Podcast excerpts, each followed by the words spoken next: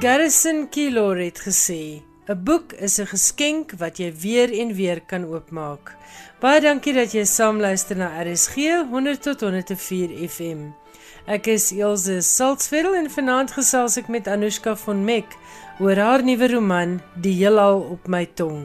En ek gaan ook gesels oor drie oulike kinderboeke vir kinders wat hou van feite. En dan is Johan Meiburg ook oudergewoonte in die ateljee met sy internasionale bydrae waarin jy vanaand 'n lekker lang uittreksel kan hoor uit 'n gesprek wat die skrywer Jan Morris voor haar dood gevoer het.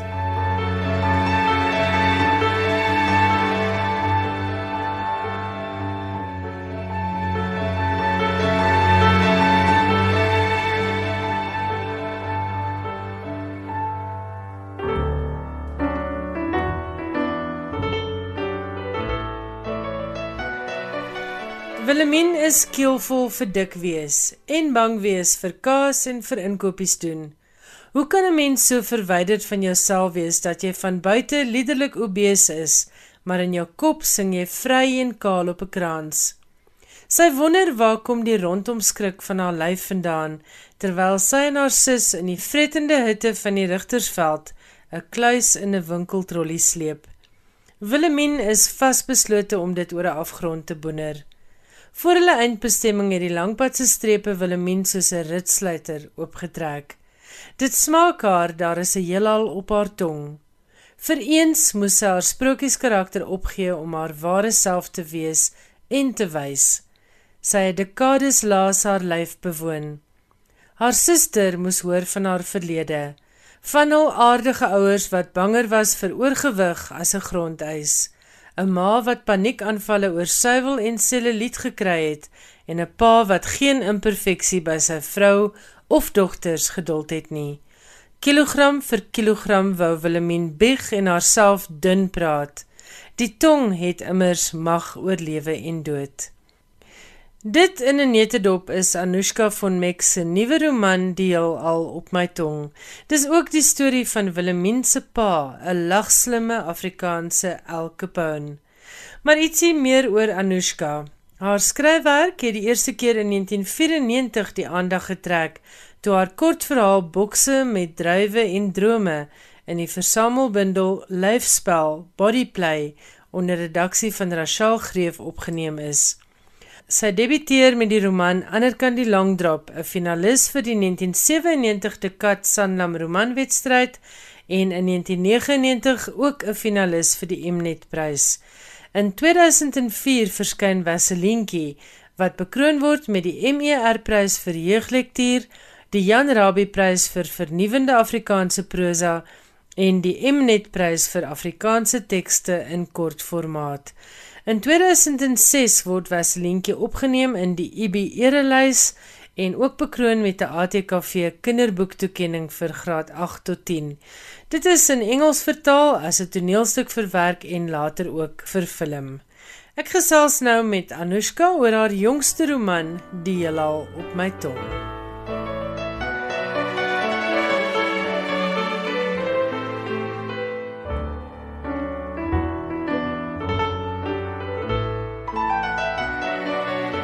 Goeienaand Anushka en baie welkom by Skrywers en Boeke en dankie dat jy met ons gesels oor jou nuwe roman Die heelal op my tong.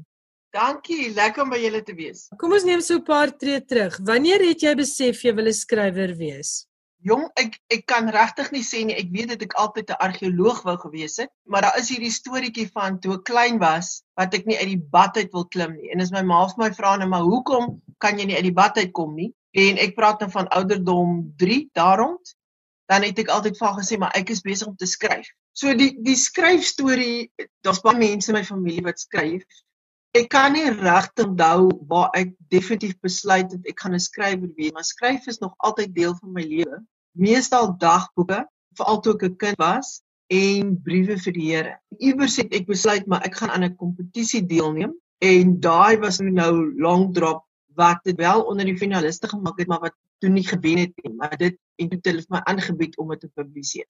Dan was daar ook Vaselientjie, um, 'n boek wat 'n mens ook sal onthou as een van die klassieke Afrikaanse werke Hoekom toe nou die lang stilte vir jou volgende roman? Ek weet jy het uh, twee ander boeke geskryf tussendeur, maar hoekom so lank voordat ons weer 'n roman uit jou pen lees? Daar was dinge in my lewe wat ek moes afgehandel, soos byvoorbeeld die graad. En ek het ook aan ander projekte gewerk soos vir afrikaans.com en ek het gewerk vir ehm um, daai boere in droogte projek en dit is baie baie intensief. En eintlik vir 10 jaar al is ek besig aan en af met die roman, maar dit is moeilik om kans te kry om te sit en iets klaar te maak. En as die graad my nie geforseer het om 'n boek klaar te maak, weet ek regtig nie of ek nou al iets sou gehad het om te kan inhandel. Dit is 'n baie lang proses en ek is nie een van hierdie mense wat die heeltyd kan boeke skryf en iets bring na tafel elke liewe jaar nie, want dan moet eers weer lewe gebeur vir my om geïnspireerd te voel Nou voel ek wel op hierdie ouderdom baie meer 'n skrywer. Voorheen was ek 'n skrywer so op onside. Ek kan regtig sê my identiteit is nou as 'n skrywer, dis nie meer 'n joernalis nie, dis nie iets anders nie. En my familie bly my herinner, maar jy kan nou maar net skryf. En dit was 'n droom al vir jare, seker 20 jaar om net te kan skryf. Maar ek was so besig met ander loopbane, tot daar was nie regtig tyd nie maar my lewe is besig om rustiger te raak. Vertel vir ons van hierdie graad in kreatiewe skryfkuns want jy het jou doktorsgraad in kreatiewe skryfkuns nou behaal of nie nou nie in 2018 onder professor Hein Willemse van die Universiteit van Pretoria. Ja. Jo, ek het meer respek vir mense wat ja dit. Ek kan jou regtig sê dat ek dit begin as iemand wat nee idee gehad het waarna ek my begewe het dit was seker die moeilikste ding wat ek al gedoen het. Dit was dit my 6 en 'n half jaar gevat. My klasmaats se grade al stof op hulle mure gehad ek nog nie klaar nie.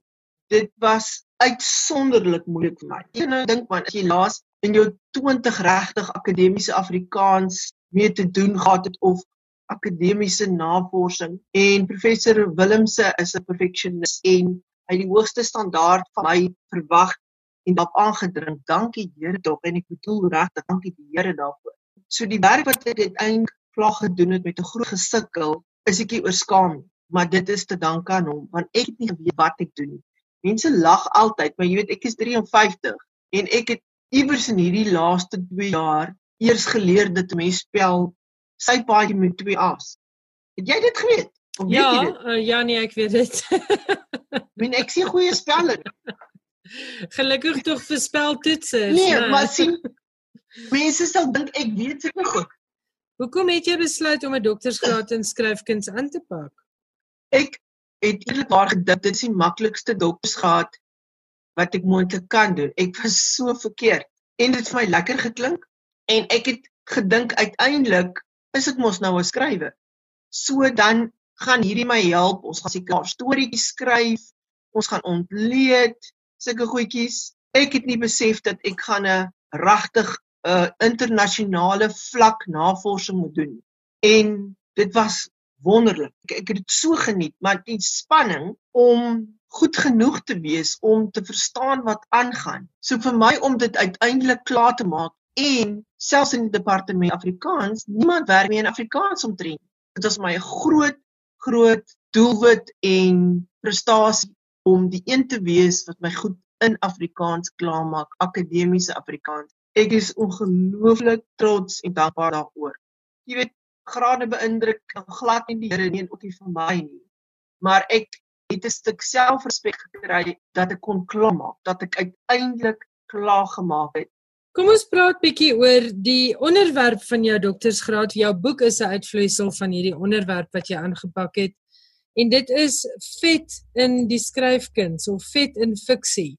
En professor Louise Viljoen verwys ook daarna in haar resensie oor jou boek waar sy uh praat van die heelal op op my tong as die eerste Afrikaanse fat fiction. Hoekom hierdie onderwerp? Dit lê my baie na in die hart want ek het al jare 'n stryd met 'n eetsteurnis en jy weet as jou eetsteurnis vir jou vetsigtig maak, is dit nou die een ding wat jy nie kan steek nie. Ander mense kan verslawing se goeie sê, maar dit is weggesteek. Jy weet dit nie noodwendig nie, behalwe jy hulle goed ken. Ek sal baie daarin lang hoe is dit dat mense so 'n gewone ding, so 'n slawemeester in hulle lewe kan wees. En hoe oorkom 'n mens dit? En die persepsies wat daar bestaan natuurlik is elke persoon wat jy sien wat obese is, weet jy maar dit is een of ander logge vraat wat in 'n nag yskaste bekruip en om te weet dit is regtig so. As iemand van 'n ander planeet ek kyk na hierdie persoon, dan sal ek dink o, hierdie persoon het emosionele probleme. Dis eerste gedagte wat ek nou het as ek iemand sien. En weet dit is ook net nie waar van almal nie. Daar is mense wat geneties geneig is. So die dit was vir my baie lekker dat die onderwerp waaraan ek belangstel, die onderwerp by daai leerskool vir my terwyl ek op hierdie planeet is. Ons het elkeen 'n klein ding of ek dink meeste mense het iets. Daai iets wat hulle moet oorwin. Hulle leerskool wat daai word ook 'n leer waarmee jy hoor klim. Jou jy's regtig besig om jouself te ontwikkel deur te leer hoe hierdie ding te bowe te kom. Toe ek na akademies daarna gaan kyk, min was ek verstom om te sien, jy weet, van studies, mediese studies, hoe word vet mense beskou? Jy weet as jy in die Amerikaanse regstelsel is wat hulle 'n jury het, nê, nee, hulle stel mos mense aan uit publiek. Dan as jy 'n oorgewig vrou is en die jury is normale gewig mans of of ja, oorwegend mans, dan is jou kans om vir dood ter dood te veroordeel word soveel groter persentasie gewys. So jy sien die hele stigma en is dis baie hartseer want ek het amper gedink nee man dit of mense sê my sê nee mense kykie vir jou nie of mense sê daarvan bewus nie dit is nie in jou kop. Nee dis nie net in ons kop nie. Daar's 'n baie groot stigma en in ons tyd waar mense verlief is op hulle self op hulle looks gaan sit in 'n restaurant kyk neem mense selfies met hierdie geprulde lippe en wat ook al. Ons tyd betref van selfaanbidding en wanneer die persoon wat jy in die spieël sien so anders is as wat jy graag wil wees of wat jy in jou hart voel, is dit regtig 'n binneoorlog wat 'n mens goddelike hulp nodig het om dit te oorkom, om iets anders daarvan te maak dat dit nie fokuspunt van jou hele wese word en is die hele tyd. En toe skryf jy daaroor. Dit is hoe dit in jou roman beland het. Ja, ons ons moes 'n koneksie maak tussen jou navorsing en die fiktiewe boek wat jy skryf en die boek wat ek geskryf, die verhaal wat ek geskryf het vir universiteit is nie presies wat nou uiteindelik as boek uitgegee is. Dit het nou heelwat al verander en is oorgeskryf en so aan. Maar dit is waar die idee begin het. En ek het dit so ontsettend geniet om hierdie boek kan skryf. Want ek hoef nie daarvoor diep navorsing te gedoen nie. Ek het letterlik in my eie emosies ingeklim, karakters geskep waardeur ek dit kon uitleef. En ek ek weet nie of jy belangstel in sulke boeke nie, maar ek stel belang in boeke van mense wat ernstig ek mag geseker nie die woord sê praat doen. Daai e woord, um, ja. er, ernstige afwykende gedrag het. Verstaan jy? Ja. En dis tog iemand wat interessant is. Ja. Verstaan?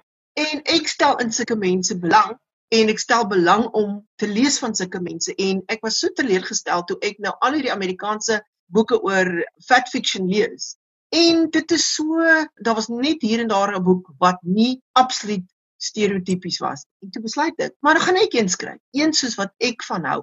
En ek dink selfs dat hierdie boek is nog nie diep genoeg in die emosies in. Nog nie diep genoeg. Ek het nog 'n bietjie te veel storie vertel en avontuur en dit doen sy dit en dan gebeur hierdie verhouding en dan los die man na met daai tipe goeders. 'n Mens kan letterlik 'n boek skryf wat net in iemand se kamer afspeel en dit kan ook vol 400 blaaie vol maak van emosies en wat se kos of alkohol of wat ook al gebruik om daai emosies af te druk of te verwerk.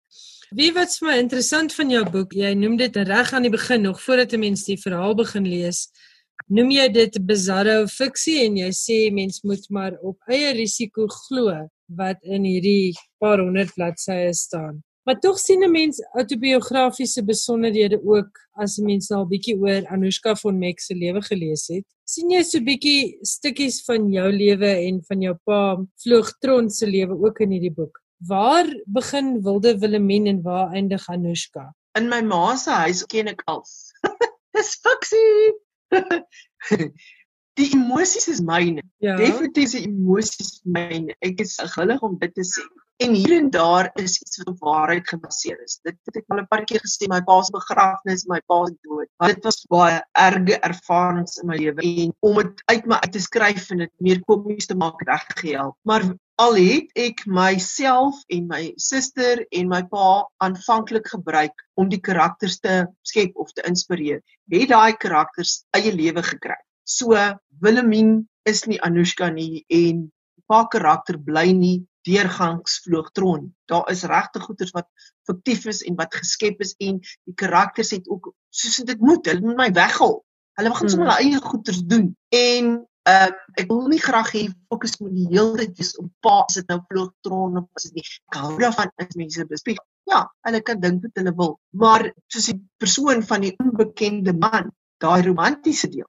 Ek sal nogal daarvan hou is daar klem daarop val, want dit is vir my 'n wonderlike iets van mense se destiny. Ek ken hoeveel stories van mense wat laat in hulle lewe iemand baie spesiaal ontmoet het of iemand wat hulle geken het toe hulle in stad 3 was en na hulle al getroud was en kinders is groot, kom hy selfde persoon weer in hulle lewe en dit is eintlik die liefde van hulle lewe.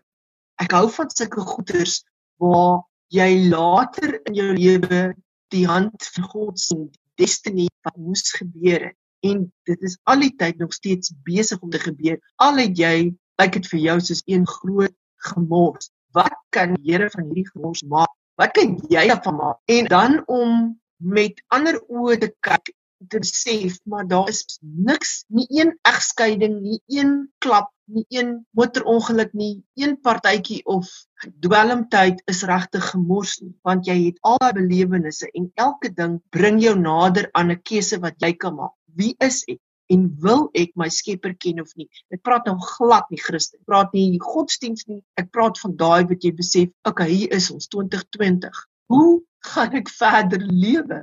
Gaan ek sin maak van hierdie planeet wat so die mekaar is? Vir my is dit jy moet nou in die mistieke ingaan. Jy moet nou begin te besef hoe meer die wêreld vir ons sê die nuwe normaal is maskers en inenting en dit en dat. Jy kan nie dit doen, jy kan nie dat doen en beheer. Moet jy besef daar is 'n realm van vryheid en ons wese moet nou verder ontwikkel. Maar dis 'n keuse. Jy kan slaap en rondskarrel en gewoonweg doodgaan of iets kan met jou gebeur. Daai iets is wat ek soek. Die hoop gaan die verder beweeg na iets baie dieper.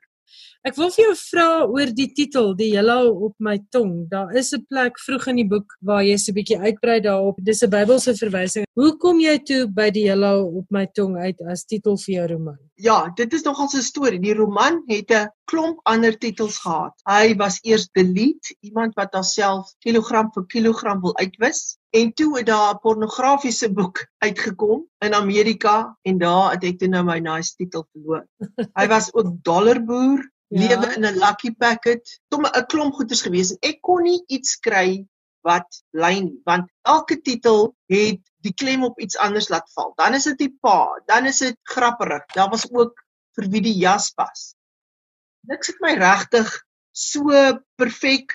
Ek soek daai diepte en ek soek 'n titel wat iemand gaan onthou. Dit moet ook bietjie bizarro wees. En ehm um, ek het 'n droom gehad in standaard 6 toe ek die koshuis was in te Villiers vra dat ek sou eendag 'n uh, international bestseller skryf. Kan jy nou glo? En ek het vergeet van hierdie droom en 'n vriendin van Pater Noster het my daaraan herinner. Toe ek nou klaar, ek kry nie 'n titel nie. Uit my gesprek met haar het hierdie woorde bymekaar gekom en is perfek. Die oomblik na ons dit die woorde bymekaar gesit het in Sy's Marina Enslin, het ek geweet hier is die titel want dit dit die diepte plus dit sê van die krag van die mond. Dit is aan die een kant is dit jy daar is 'n heelal in ons mond net van smaak. As jy na McDonald's toe gaan, betree jy 'n spesifieke heelal, nê? Nee. As ja. jy iemand is wat eensaam is en jy gaan tok op op jou troospryse vir die naweek om voor Netflix eet jy dit en jy eet dat, jy bly in jou pyjamas die hele naweek en maandag maak jy weer reg vir werk. Ek ken hoeveel mense wat dit doen. Hulle is nie almal oorgewig nie, maar daar is hierdie gesegde eintlik dat om te ooreet food is the new forbidden sex. Verstaan jy? Dit is mm. die verbode sonde. En dit is so 'n eensame ding. Nou ek is nie iemand wat in hoekies sit en eet nie. My goeders het, het in die verlede afgespeel. Ek sit nog net met die die kan ek sê die simptome daarvan en 'n lyf. My dankie Here, ek ek is gesond. Maar die emosionele goeters vat moontlik 'n leeftyd. O ja, so aan die een kant is dit daai ding van die smake, die teksture, die en dan vir sommige mense met eetsteurnis waar hulle opgooi, jy weet, die skuld om op te gooi of mense wat drink. Daar's al ewig in jou mond iets aan die gang. Die mond is ook 'n naby plek vir soen. Jy weet soen mm. is meer intiem as seks. Dis hoekom prostituie byvoorbeeld nie soen nie. Hulle soek nie kontak met hulle wese nie. En dan natuurlik die geestelike aspek is vir my die belangrikste. Ons was verlede jaar in die Joodse jaar van 5780, the year of the mouth. En kyk hoeveel dinge het van die mond gebeur. Ons maskers dra. Um George Floyd se I can't breathe en skare sit op die snelweg lê in Amerika. I can't breathe, I can't breathe en mense met uitsprake hier in ons eie politiek, die mond, die mond, bekgevegte, dreigemente. Die mond is so kragtig en die Bybel sê vir ons dat ons skep ons eie realiteit. En as jy iemand is wat in die spieël kyk en dit wat jy sien is jou onherkenbaar, onaanvaarbaar, walglik, 'n smart, hoe klink dit wat jy in die binnekant jou inner mantra? Wat wat sê jy vir jouself? En wat spreek jy uit as jy van jouself praat? So ek byvoorbeeld praat nie meer saam met mense wat so sê ja, ons dik is. Ek het nou weer 'n afspraak met iemand môre wat die persoon gesê het, ja, kom ons wag ons grootes ontmoet of so iets. Ek praat nie saam met so iets nie. Verstaan jy? Want ek identifiseer met my geestelike self. Uh, ek leer nog liefde vir self want want dit is iets wat ek nie lekker verstaan of weet hoe om te doen nie. Maar ek gaan nie meer saam praat want elke keer as jy met iemand saam praat in 'n verkeerde negatiewe manier hoor jou brein dit hoor jou selle dit en jy maak 'n verklaring. I am this. En ons is soos ons Vader ons het mag gekry om te skep met die tong so as ek 'n leeftyd lank gaan aanhou sê ja ek het 'n eetsteurnis en ek vertroetel hierdie ding en ek is vet en ek is dit wat ook al natuurlik gaan ek dit manifesteer. Mens kan eerder sê die leen waarmee ek aangeval word die wroging in my emosies verstaan jy? Dis meer korrek ja. Jou identiteit vir my moet by jou gees lê en daar is jy perfek. Dit is nie 'n ontkenning van wat jou fisiese realiteit is of wat jou beskaal weeg of hoe ongemaklik jy in sekere stoele sit. Nee nee nee, jy ontken dit nie, maar jy gaan nie in die smart daarvan van ek verwerp myself en ek gaan in geen verdere doodspraak oor myself. En hierdie is 'n leerproses. Ek praat nou goeters wat ek met myself besig is. Ek ek moet nog manifesteer en iets wys. Maar kan vir jou sê daar's reeds 'n verandering in my. In die skryf van hierdie boek het daar begin om genesing vir my te kom en dit is 'n lieflike ding. Daai stukkie in die boek waar die rooi see loper op die rot staan met hierdie trop leeu's wat so liefie is en hy kyk, hulle kyk vir die Subaru met sy stofwolk wat verbykom en die rooi see loper sê en nou is hy vry. Ek vat daai woorde. Ek vat hulle vir myself, Anushka. Ek gryp hulle by die karakter Wilhelmine en ek vat hulle vir my. En die vrou wat so lekker openhartig oor haar skryfwerk gesels is Anushka von Meck. Ons het gesels oor die heelal op my tong, haar jongste roman wat onlangs by Penguin Random House verskyn het. Jy luister na skrywers en boeke, jou belangrikste bron oor Afrikaanse boeke. Daar's mos 'n gesegde wat lui dat as jou kind nog nie lees nie, het jy dalk nog net nie die regte boek vir hom of haar gevind nie. En as jou kind dalk feite bo fiksie verkies, is daar 3 fantastiese boeke wat onlangs by Protea Boeke verskyn het en ek gesels nou 'n bietjie daaroor. Die eerste een is getiteld Die Boek van Bome. Dit is geskryf deur Wojciech Grajowski en in Afrikaans vertaal deur Esta Grobler. Hierdie groot hardeband prenteboek en as ek sê groot, dis 37.5 cm by 27 cm groot, is pragtig geïllustreer en van hoek tot kant gevul met interessante feite oor bome, een van moeder natuur se grootste geskenke. Hierin gaan jy feite kry oor dinge soos die hoogste boom in die wêreld, hoe lank bome al bestaan, hoe oud bome kan word, Waar kan jy in 'n bomehuis hotel gaan oornag en hoe kan 'n mens seker maak dat bome vir toekomstige generasies gaan voortbestaan? Dis 'n ensiklopediese prenteboek wat al hierdie vrae en veel veel meer beantwoord met treffende illustrasies en talle interessanthede om op elke bladsy te ontdek. Dis lieflik geïllustreer deur Pietor Socha, ek hoop ek spreek die naam reg uit en Wojciech Grajowski en Piotr het die geskiedenis van bome volledig nagegaan vanaf antieke tye tot vandag en hulle ondersoek ook die rol wat bome gespeel het in geskiedenis, mites, legendes en biologie. Grajowski is 'n bioloog en het reeds meermale vir kinders oor die natuur geskryf en ook oor wetenskap, so jy kan jou nou indink hierdie is 'n wonderlike deeglik nagevorsde boek. Socha is 'n grafiese ontwerper en illustreerder en een van Polis se gewildste strokiesprentkunstenaars, bekend vir sy humoristiese tekeninge in prominente Poolse tydskrifte en ook in koerante. Die boek van bome is vertaal in meer as 25 tale en vir verskeie toekenninge reg oor die wêreld benoem. Dis geskik vir kinders ouer as 7 jaar, maar beslis ook 'n boek vir volwasse natuurliefhebbers en leunstoelontdekkers. Die boek se naam net weer is Die Boek van Bome en van dieselfde skrywer en illustreerder het Protea 'n tweede boek uitgegee en hy heet Die Boek van Bye. Dis 'n ewe treffende, veelvlakkige en humoristiese boek oor bye en is ook 'n groot hardeband prenteboek. In die boek van bye sal jy antwoorde kry op elke enkele vraag wat jy al ooit wou vra oor bye. Byvoorbeeld, hoe lank is heuningbye al op aarde? Wat is die rol van die koningin by en haar onderdane en hoe maak bye die sidderdans? Wat doen 'n byeboer wat beskou word as die landheer van die bye kolonie en watter toerusting het hy nodig? En natuurlik 'n groot en 'n belangrike vraag, is bye werklik in gevaar en wat kan ons doen om hulle te beskerm? Dit en ander vrae word beantwoord in die boek van bye en weer eens Pieter Socha se indrukwekkende illustrasies in groot formaat volg die geskiedenis van bye van antieke tye tot vandag. En hierdie hele boek gons as dit ware van inligting oor die besige byfamilie wat saam 'n georganiseerde samelewing vorm waarin elke lid 'n spesifieke rol het en die belang van bye en hulle kosbare heuning in die geskiedenis en in die res van die natuurlike wêreld word werklik uitstekend uitgebeeld.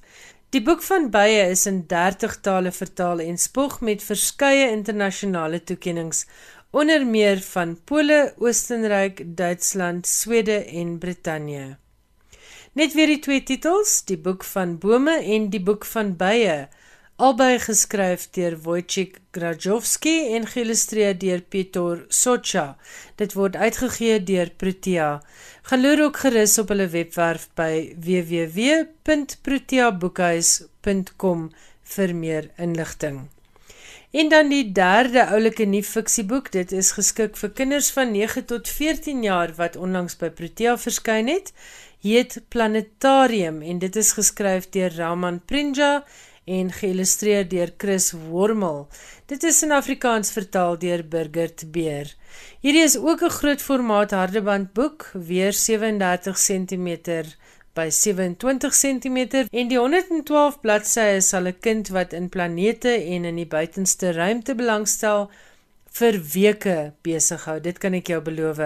So 'n bietjie meer agtergrond, hierdie is die derde boek in die Welkom by die Museum reeks en volg op Botanicum en Dinosaurium, ook albei lieflike boeke. En Planetarium gaan oor hierdie wonderlike heelal waarin ons planeet Aarde haar bevind. Dit is 'n heelal wat nog vol raaisels is, maar in Planetarium word 'n paar van die ruimte se geheimenisse ontsluit. Ons kry 'n kykie na die sonnestelsel, die son, die naghemel, sterrestelsels en die heelal. Lesers kry die kans om fascinerende hemelliggame soos klein ysige maane en reuse warrelende sterrestelsels te ontdek. Net iets oor die skrywer Raman Prinja. Raman Prinja is 'n professor in astrofisika aan die Universiteitskollege van Londen of die UCL waar hy spesialiseer in massiewe sterre stervorming en die evolusie van sterrestelsel. Chris Wormel is 'n ervare illustreerder wat bekend is vir prenteboeke soos George and the Dragon. Planetarium word ook uitgegee deur Protea. Gaan loer gerus by www.proteaboekhuis.com en gaan lees meer oor hierdie interessante nuwe fiksieboeke. Volgende week gaan ek so 'n bietjie kyk na ander oulike kinderboeke, so maak seker jy skakel volgende Woensdag aand in want ek weet 'n mens wonder altyd wat om vir die lesertjies in jou lewe te koop. Dankie dat jy saam met ons voor die radio kuier. Nou is dit weer tyd vir Johan Meiburg se internasionale bydrae en vanaand kan jy onder andere luister na 'n baie interessante stemopname van die bekende Britse skrywer Jan Morris, voorwaar iemand met 'n baie interessante persoonlike lewe en ook 'n baie interessante skryfloopbaan. Jan is verlede week oorlede. Jan, baie welkom en wat se nuus het jy vir ons? Syfers wat pas in Brittanje bekend gemaak is, dui daarop dat openbare biblioteke in die land erg in die pekel is. Iets soos 9 miljoen boeke is vanjaar uitgeneem en dalk nog meer kommerwekkend is dat die begroting vir openbare biblioteke met bykans 20 miljoen pond gesny is. Nietemin het boekwinkels in die land daarom nou weer na 'n tweede grendeltyd van 'n maand geopen, betyds om kort voor Kersfees sake te doen. Met voldoening aan al wat 'n gesondheidsprotokol is, het heelwat boekhandelaars aan The Guardian gesê hulle doen tans goed sake. Desember is maak of breek vir ons, het een handelaar gesê. Oktober tot Desember is vir ons die belangrikste tyd van die jaar. Ons het alles probeer wat ons kon met aanlyn verkope, maar niks haal by die ervaring van op en af loop tussen rakke vol boeke nie. Die landse boekhandelaarsvereniging het die luim wat tans in die bedryf heers as senuagtig opgewonde beskryf. Almal hoop hulle inkomste is genoeg om hulle deur te dra tot in Januarie gereed vir wat voorlê in 2021. Ja, en ek wil by Johan aansluit en ook maar weer vra dat luisteraars asseblief die Suid-Afrikaanse boekbedryf sal ondersteun. En dit geld natuurlik vir boekwinkels sowel as uitgewers. Die boekwinkels het almal oulike webwerwe en Facebook-blaaie waarvandaan jy kan bestel en by party uitgewers kan jy ook sommer direk van hulle webwerwe af bestel. En hierdie versoek is regtig nie net vir die oorlewing van uitgewers of boekwinkels nie, maar werklik waar vir skrywers se brood en botter. En onthou asseblief koop eerder die boek as om hom onwettig met mekaar op die internet te deel. En dit is nie net 'n oortreding van meer as een wet nie, maar jy steel as dit ware inkomste by skrywers en ook by uitgewers. En onthou as daar nie uitgewers is nie, is daar soveel minder skrywers en boekmense wat werk het. Ja, en dan het jy vir ons iets oor die Britse skrywer en joernalis Jan Morris. Ek het ook die afgelope naweek in die Sondagkoerante gelees oor hierdie baie baie indrukwekkende en interessante skrywer. Jan Morris, veral bekend vir haar driedelige Pax Britannica, drie boeke oor die Britse ryk, is op 20 November na haar huis in Wallis dood. Sy was 94. In die boeke dek sy die geskiedenis van die Britse Ryk van die jare van die Oos-Indiese Kompanjie tot en met die jare van onafhanklikheid en postkolonialisme. Die drie boeke het beskrywende titels: Heaven's Command and Imperial Progress van 1973, Pax Britannica: The Climax of Empire van 1968 en Farewell the Trumpets an Imperial Retreat van 1978. Daarby het Morris die wonderlikste portrette van stede nagelaat, onder meer oor Oxford, Venesië, Trieste, Hong Kong en New York. Moontlik omdat sy oor stede en plekke geskryf het, is sy as reisskrywer getipeer. En so is sy nou na haar dood ook in omtrent al wat 'n huldeblyk is onthou. Nietemin het Morris haarself nie as reisskrywer beskou nie. Dit het sy in 2016 in 'n BBC onderhoud met Michael Palin duidelik gemaak en toe later in 'n onderhoud met The Guardian benadruk. Ek haat dit om 'n reisskrywer genoem te word, het sy gesê. Ek het een boek oor reis geskryf, oor 'n reis deur die Oman woestyn. Ek het wel talle boeke geskryf oor plekke wat niks te maak het met beweging nie. Dit gaan oor plekke, oor mense en die geskiedenis in my ervaring daarvan, nie oor reis nie. Trouens het sy gesê, "Noem my maar net skrywer. Ek skryf oor goed wat 'n indruk maak op my, My boeke kom neer op een tamaie, selfgesentreerde outobiografie. Op haar lewensreis van bykans 'n eeu het Morris diep spore getrap. Sy was 'n lid van die 1953 Britse Mount Everest ekspedisie toe Edmund Hillary en Tenzing Norgay die kruin bereik het. Die ekspedisie het Morris nog onderneem as James Morris 10 jaar voordat hy in 1964 begin het met geslagsveranderingsbehandeling. In 1972 het Morris geslagsveranderingschirurgie ondergaan en daarna geskryf onder die naam Jan Morris. In 1974 het Jan Morris die verandering beskryf in Conundrum, haar eerste boek onder die naam en die eerste outobiografie waarin geslagsverandering aan die orde kom. Morris se roman van 1985, Last Letters from Have, is 'n boek geskryf na 'n verbeelde besoek aan die fiktiewe land Have. Ook met betrekking tot die boek is reisliteratuur genoem as 'n genre. Hoewel Morris volgehou het dit gaan oor die ervarings in die plek nie om die plek vir lesers oop te maak soos wat dit die geval is met reisboeke nie. Die boek was in 1985 op die kortlys van die Boekerprys. 'n Tweede volume van Morris se dagboekinskrywings verskyn in Januarie. En volgende jaar verskyn ook Allegorizings, 'n boek met persoonlike refleksies wat Morris voor 2000 neergeskryf het en wat sy bedoel het om uit te gee na haar dood. En nou is sy op haar vernaamste reis. Het haar seun, die digter en musikant Tom Morris, gesê by die aankondiging van haar dood. Hier is 'n uittreksel waarin Jan Morris tydens 'n besoek aan die FSA in gesprek is met Don George. Die gesprek gaan oor die Mount Everest ervaring. En die opname is gemaak in 2013?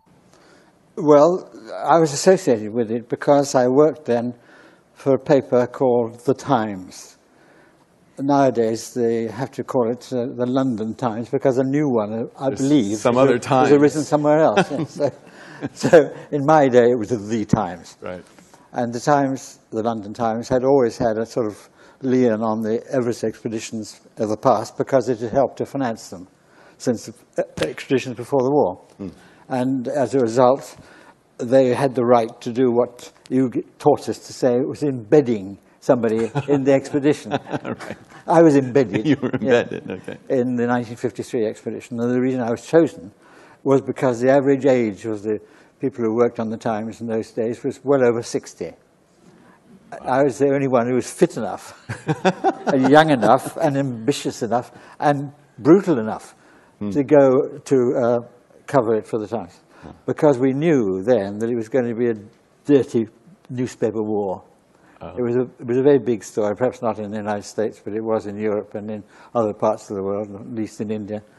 And uh, we knew that uh, everybody would try and break the, this embargo the Times put on the news and print it before the Times. It would be very embarrassing for all of us, not least me, I may say. Uh, so the difficulty was that it was, it's about 200 miles from Everest to the nearest cable station, as they used in those days, before the days of satellites and all that kind of mm. stuff. It was very old school stuff. It's a 200, very rugged mountain country. Now people trek, of course, along it, but then it was virtually unknown country. And the only way we could get messages home was for me to employ runners. Pretty basic stuff, you know. Yeah just one up from the cleft stick tradition. so I did, I rented a whole lot of very able, very nice Sherpa porters, uh-huh. more than porters, they were sort of high altitude people, uh, to run this thing for me. And the, more, the faster they ran it, the more I paid them. Mm, mm. There you go. So they ran jolly fast, I can tell you. and that went all perfectly all right. And we, just in case they were intercepted by rivals on the way, we did invent a simple code which just meant the replacement of certain names of parts of the mountain with another word. You see what I mean? Mm -hmm. Very simple. In fact, I gave up and I didn't use it at all. But uh, nevertheless, they, a lot of these uh, cables were in- intercepted, and before they got into the cable office in Kathmandu, and some, some newspapers around the world finished them and used them. But that wasn't terribly important. The important thing, of course, was the news that the mountain had or had not been climbed. Am I boring you? no, not at all. that was the thing. if it had or had not been climbed. And this was made extra difficult for me because when I got to Everest, I found that about 20, 30 miles from the mountain, there was an Indian radio post. We were not allowed to have long range radio, otherwise, of course, I wouldn't have used the runners. We, we had walkie talkies, as we used to call them in those far off days, mm-hmm. on the mountain, but we couldn't have anything with a long range. But to discover that there was a radio station so near Everest which could get a message back to Kathmandu and to the cable station via the British Embassy altered the complexion, did not, of my assignment. So I thought what I had to do, I couldn't afford to let the Indians who ran the radio post know what the news was, because it would be around the world in no time. We'd be beaten on our own news.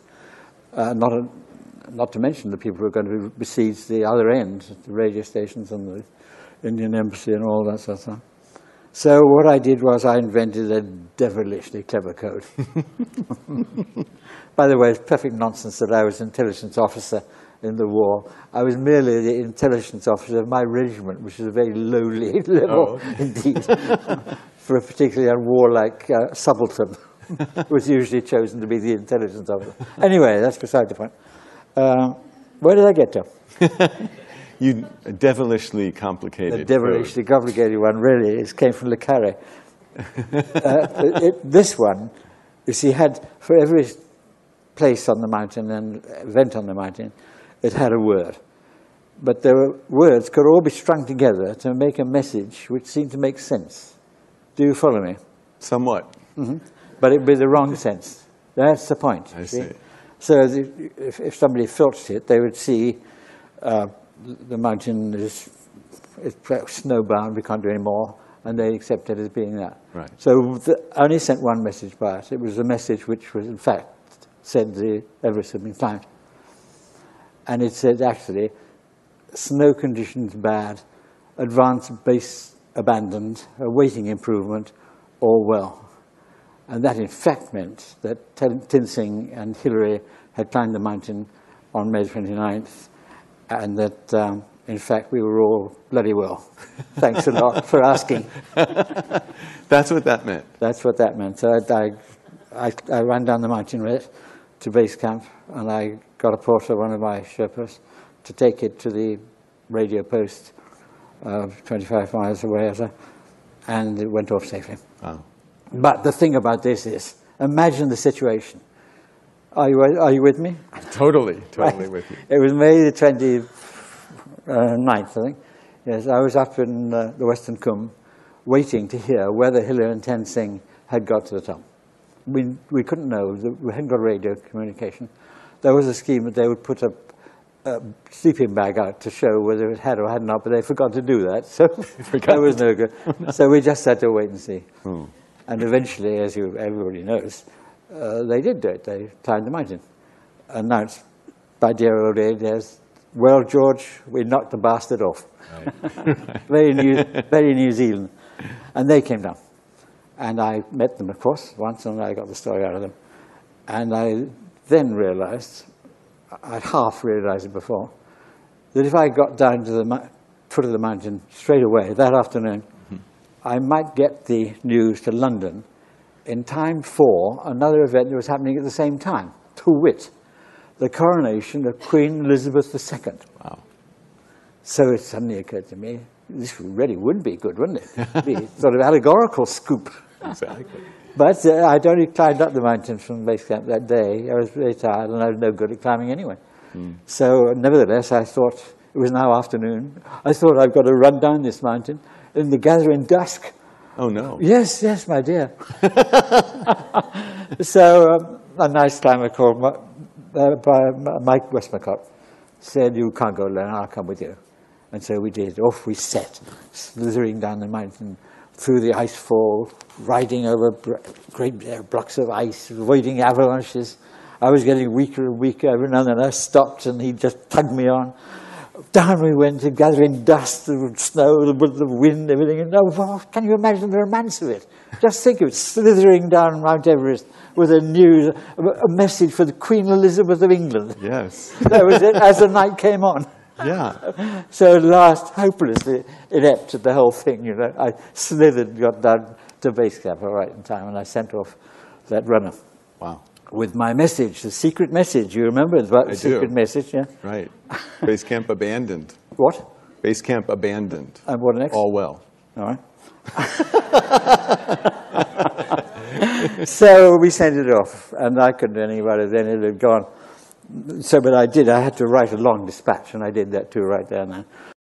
Dit was 'n stemopname van die Britse skrywer Jan Morris. En Johan van my kant af weer eens baie dankie vir 'n baie interessante paar minute. Ons gesels dan volgende Woensdag aand weer.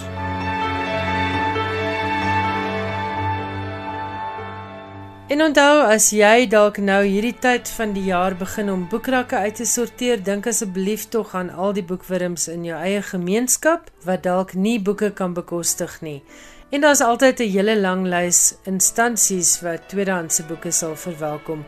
Ek dink nou sommer hier aan jou plaaslike aftreeoord, die skole in jou omgewing, dalk 'n welsynswinkel of twee, maar ook individue. Daar's oral om ons mense wat graag lees, maar nie almal kan altyd boeke bekostig nie.